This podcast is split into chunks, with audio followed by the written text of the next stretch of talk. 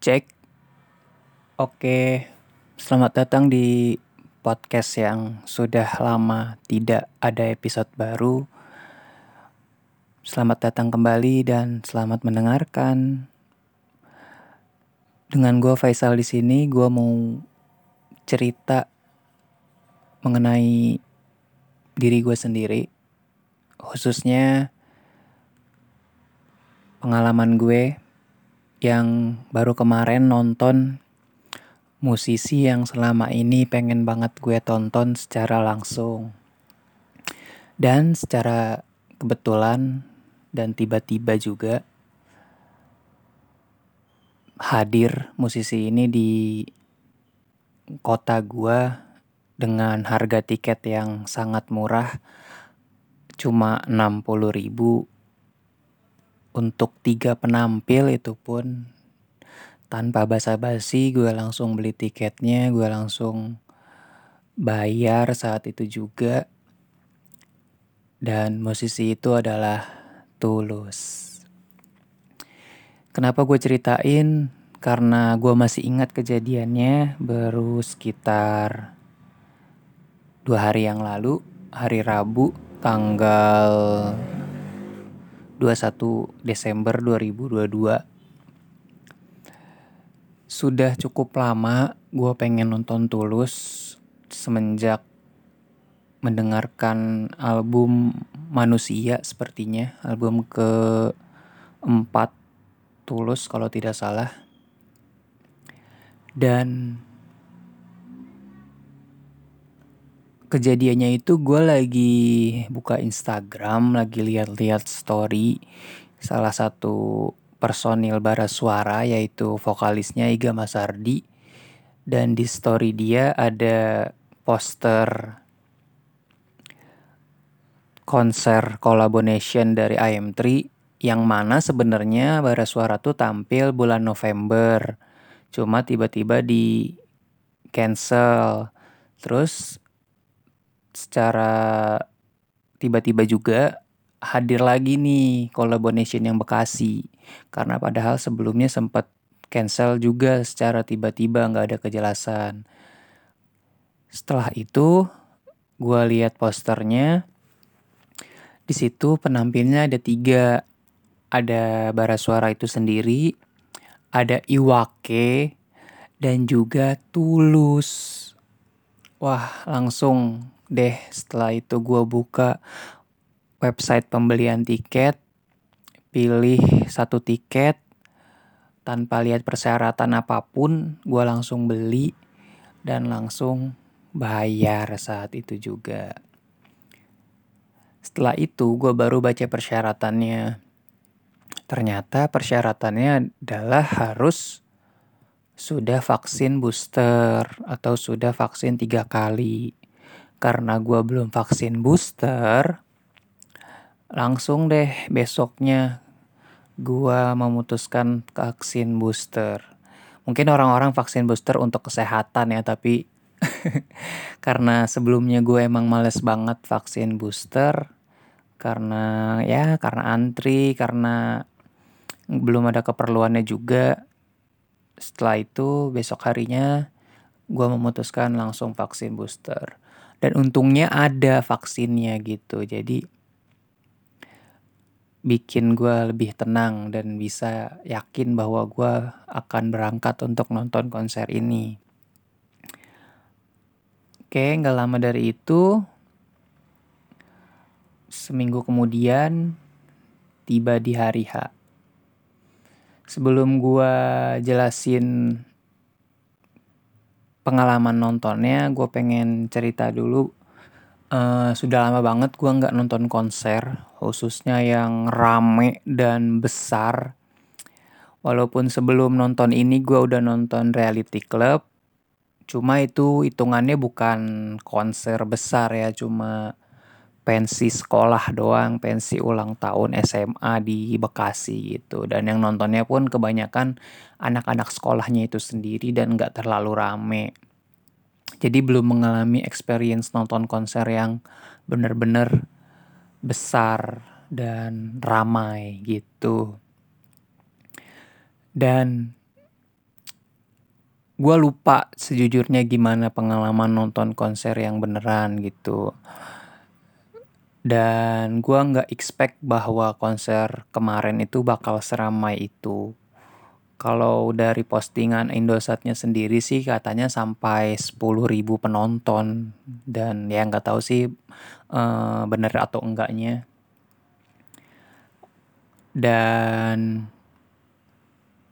pas di hari H gue udah menyiapkan segalanya. Karena gue nggak pengen secara mendadak harus beli ini beli itu di tempat gitu kan. Jadi gue udah menyiapkan segalanya di tas gue gue udah bawa tisu gue bawa jas hujan plastik yang biasa dipakai untuk nonton konser. Gue bawa minum sendiri gue bawa baju dua takut kenapa-napa takut basah dan lain-lain untuk ganti dan itu sudah gue siapkan semua. Jadi pas di hari H langsung berangkat. Sebenarnya gue berangkat kecepetan gitu ya. Open gate-nya itu 17.30 gue nyampai sana tuh jam 3 nah sampai sana itu gue langsung nukerin tiket gue dan tiketnya itu termasuk murah banget ya 60 ribu gitu untuk tiga penampil dan tulus gitu loh. Di mana lagi kalian bisa nonton tulus 60 ribu. Dan itu pun masih dapet uh, merchandise.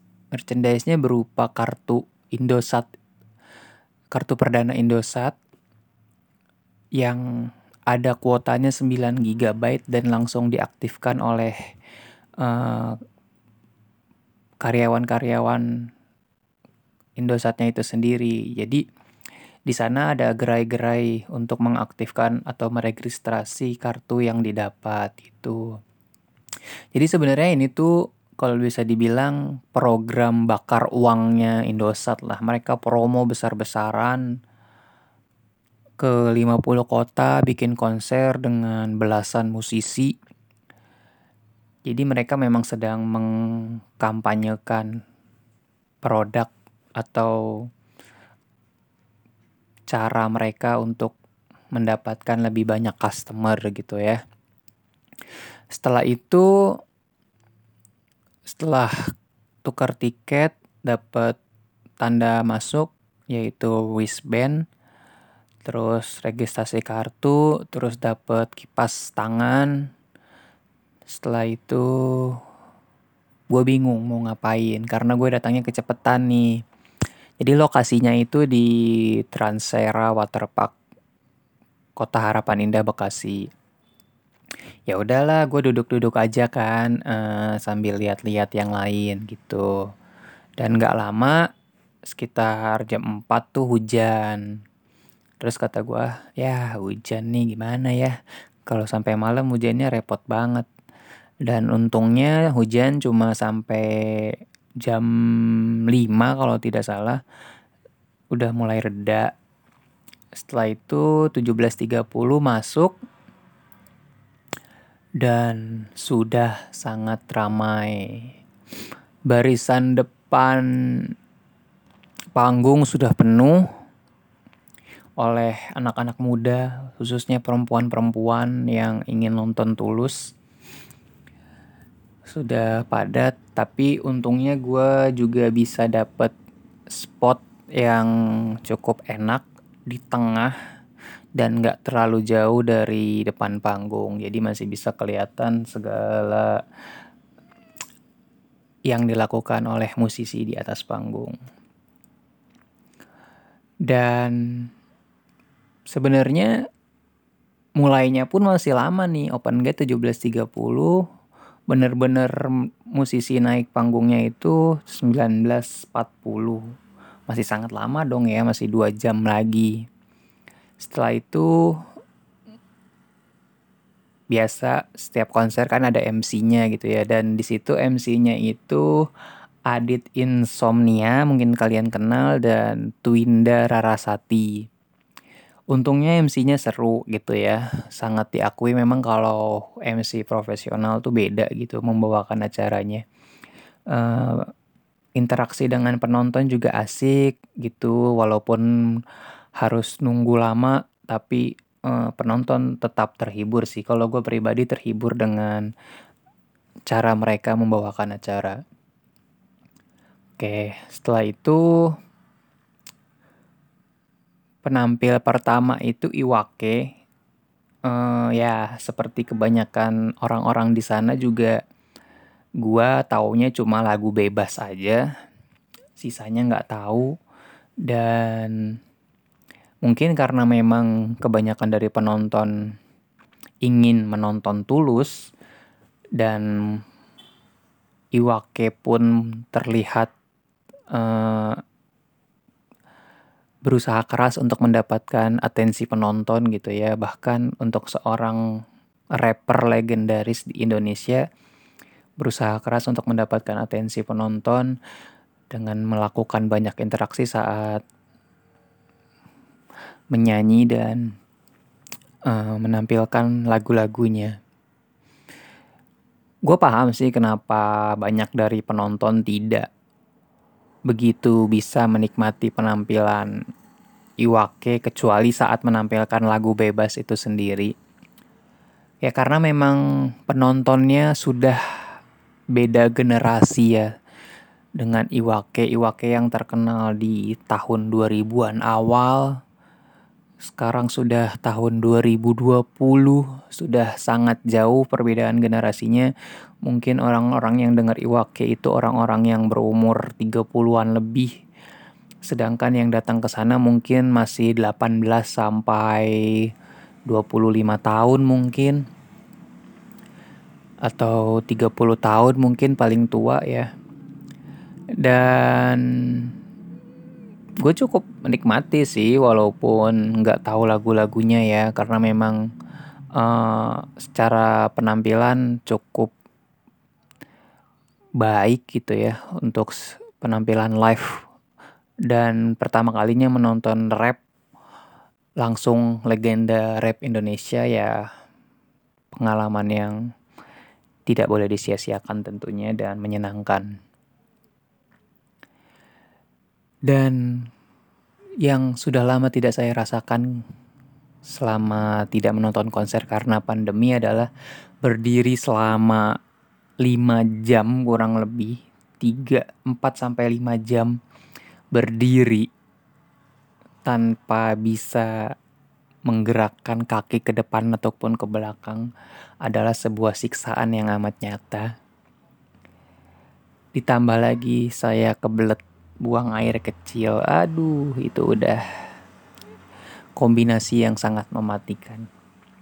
Kalaupun saya memutuskan untuk buang air kecil, saya akan kehilangan tempat atau spot menonton yang sudah sangat ideal itu yang saya tunggui dari sore hari. Dan penampil kedua yaitu Bara Suara ya gue udah beberapa kali nonton bara suara dan semakin ke sini penampilannya semakin apik dan walaupun tidak ada stage diving ya di penonton ataupun penampilnya itu sendiri yang gue tahu Iga Masardi itu sering turun ke tempat penonton kalau lagi manggung. Cuma karena kebanyakan penonton saat itu wanita dan panggungnya pun bukan seperti panggung pada umumnya. Ini panggungnya tuh manjang ke depan gitu. Jadi mungkin sulit bagi dia untuk stage diving atau turun ke penonton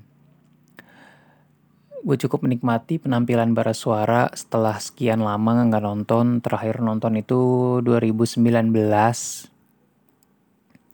dan menyenangkan akhirnya bisa mendengar bara suara secara live lagi. Bisa ikut sing along. Walaupun di sebelah gua, di depan gua, banyakkan orang-orang yang gak tahu bara suara. Dan ada bahkan yang ketika bara suara tampil mereka memilih untuk duduk karena ya mungkin mereka memang tidak tahu bara suara seperti apa dan tidak bisa menikmati lagu-lagu bara suara itu sendiri. Ah, menurut gua ya, menurut gue ini mah salah satu profesi paling keren di muka bumi ini di, muka bumi ini itu musisi ataupun anak band. Anak band tuh kerennya nggak nggak ada habisnya gitu. Nggak bisa dimakan umur gitu. Walaupun lo udah umur 30 menuju 40 tahun pun kalau lo anak band tuh lo tetap keren gitu apalagi kalau lagi manggung gitu menampilkan segala skill yang lu punya. Kalau gue bisa bereinkarnasi dan memilih untuk menjadi apa gitu gue bakal milih jadi musisi pastinya. Dan gimana ya musisi tuh keren gitu. Salah satu seniman atau orang yang bekerja di bidang seni yang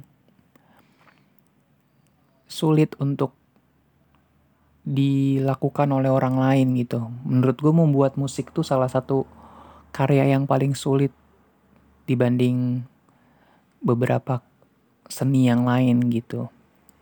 Kayak dibanding membuat film, dibanding membuat apa teater dibanding membuat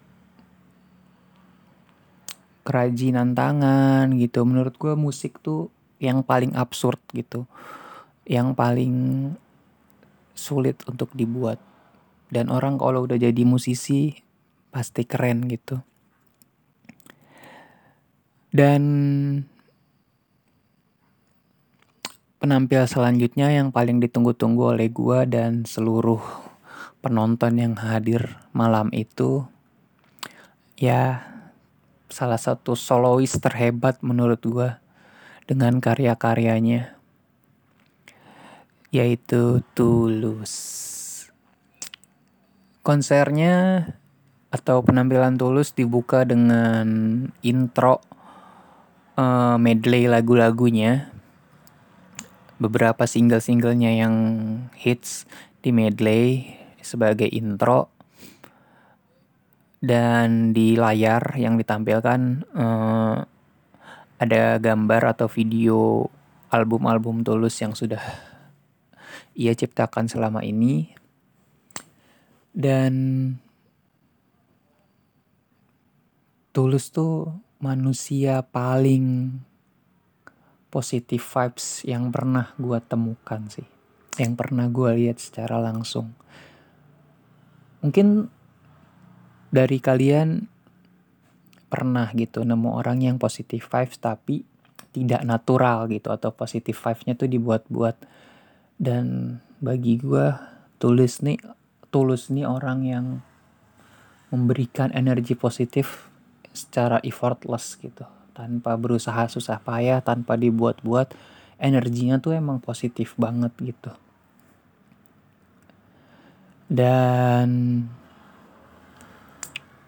secara penampilan memang seperti yang pernah mungkin kalian tonton di YouTube penampilan live-nya. Sangat sangat sangat sangat bagus Tulus tuh nyanyi tuh kayak ya kayak orang bernafas aja gitu. Nggak ada atau nggak pakai usaha lebih. Dia nyanyi dengan pembawaan yang sangat menyenangkan dia menari dia berinteraksi dengan penonton. Ini yang perlu disoroti dan digarisbawahi. Interaksinya dengan penonton itu interaksi paling menyenangkan selama gue nonton beberapa musisi gitu ya. Dia menyapa kita dengan sapaan yang terasa bukan basa-basi gitu. Sapaan yang memang hangat menyenangkan gitu. Cuma dia kayaknya deh musisi yang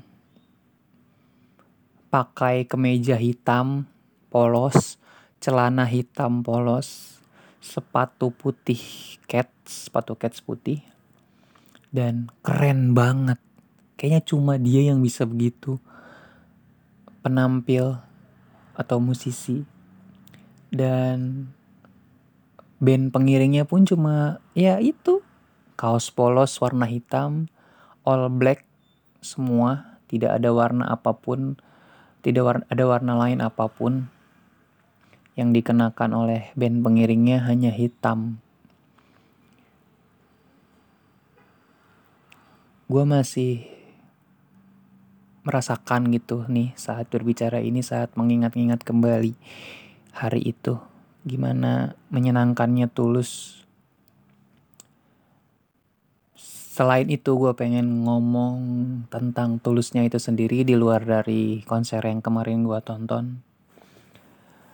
Mungkin fakta buat kalian bahwa video terakhir mengenai tulus yang diinterview oleh media ataupun oleh infotainment dan lain-lain gitu. Terakhir itu adanya tiga tahun lalu kalian boleh cek di YouTube video interview Tulus. Itu tuh sangat sedikit, sangat sedikit yang ngomongin soal dirinya ya. Yang ada tuh kayaknya tuh empat tahun lalu lah, lima tahun, empat tahun lalu. Paling terbaru pun itu Tulus di interview oleh Najwa Sihab. Itu pun bukan tentang dirinya atau tentang musiknya ya. Itu tentang kampanye menyelamatkan gajah kalau tidak salah. Tulus bercerita tentang dirinya yang bertugas untuk mengkampanyekan menyelamatkan gajah. Dan setelah itu tidak ada lagi interview tentang dirinya gitu. Yang bikin kagum gitu ya. Apa yang maksud dari apa yang ingin gue sampaikan mengenai tadi adalah kita lebih mengenal karyanya ketimbang kepribadiannya gitu itu yang bikin kita kagum dari Tulus. Itu yang bikin gua kagum dari Tulus. Kita mengenal karyanya lebih dalam daripada karakter atau kepribadiannya dia sendiri. Iya gak sih? Kita mengenal Raisa. Kita kenal kalau dia orangnya begini, dia orangnya begitu gitu. Dia aktif di sosial media, dia setiap hari upload foto dan IG story gitu ya tapi tidak dengan tulus gitu. Dia sangat menjaga privasinya. Dia minim sekali kolaborasi ataupun hadir ke YouTube orang lain yang semacam-macam podcast gitu untuk diinterview dan yang lain-lain gitu ya. Dan itu yang bikin tulus spesial tuh kita lebih mengenal karyanya ketimbang kepribadiannya. Karyanya berbicara lebih besar ketimbang dirinya sendiri. Jarang seniman yang seperti tulus. Jarang gitu. Yang gue yakin tulus nih gak punya haters. Kalaupun ada orang yang membenci tulus tuh kayaknya orang paling aneh mungkin di Indonesia ini. Buat apa gitu? Apa yang dia bisa benci dari Tulus gitu? Dan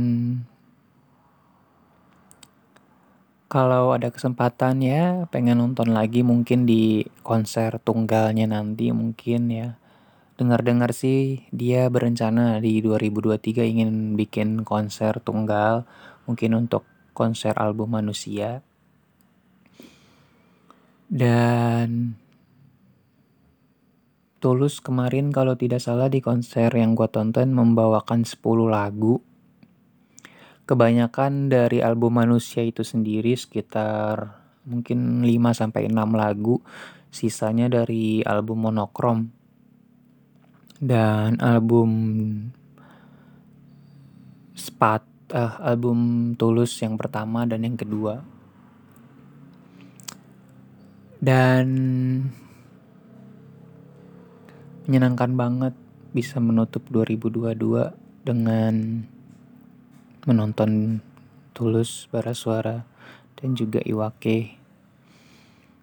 Dan fakta yang gue dapat atau hal menarik yang gue dapat bahwa kayaknya sih gue nggak bisa menonton festival yang tiga hari tiga malam gitu festival-festival besar Indonesia kan banyak banget ya ada pesta pora ada sinkronize sondrenalin dan yang lain-lain gitu yang tiga hari tiga malam Jumat Sabtu Minggu dari siang sampai tengah malam begitu terus selama tiga hari berturut-turut. Kayaknya gue nggak bisa gue nggak kuat. Dan gue juga nggak sanggup untuk melakukan itu semua sih kayaknya. Gue lebih suka konser-konser yang begini, yang cuma tiga penampil, cukup satu malam, eh nggak nyampe satu malam bahkan hanya dari sore sampai malam. Dan ya gitu, enak gitu, menontonnya pun fokus gitu kan. Kayaknya kalau yang festival itu capeknya tuh capek harus ke sana kemari capek karena terlalu banyak manusia capek untuk antri ini dan itu. Ya kayaknya gue juga nggak akan ikut festival untuk tahun depan. Kita cari konser-konser yang sederhana aja yang penampilnya emang pengen gue tonton dan menyenangkan untuk ditonton. Semoga dan inilah cerita gue. Selamat kalian telah menghabiskan waktu untuk mendengarkan cerita yang mungkin tidak terlalu menyenangkan. Terima kasih sudah mendengarkan.